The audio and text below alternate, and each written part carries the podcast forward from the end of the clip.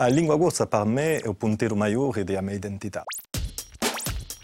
Quando è che voi avete imparato a parlare corso?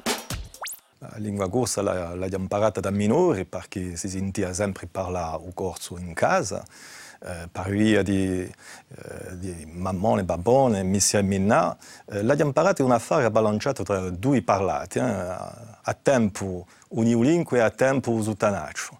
E, dopo si può dire che eh, anche se non era mica la mia lingua di comunicazione da minore, eh, era quantunque qualcosa di impresso in me eh, da, da minore.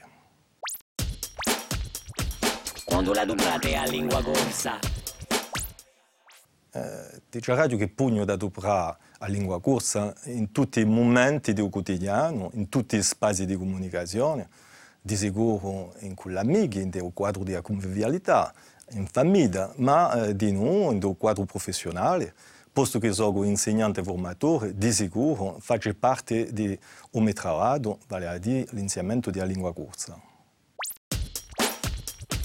Chi rappresenta per voi la lingua corsa?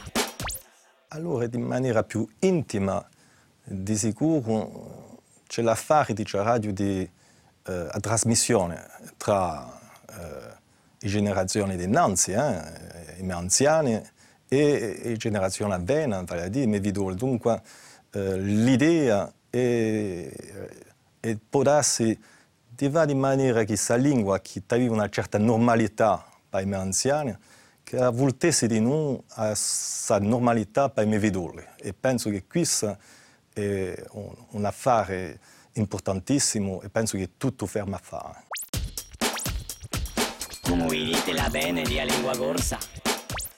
Penso che siamo in un contesto di ufficialità e ripeterà un po' ciò che diceva un filosofo del XVIII secolo, eh, Gian Giacomo Rousseau, che diceva l'isola di Corsica può essere un giorno ad astunare l'Europa.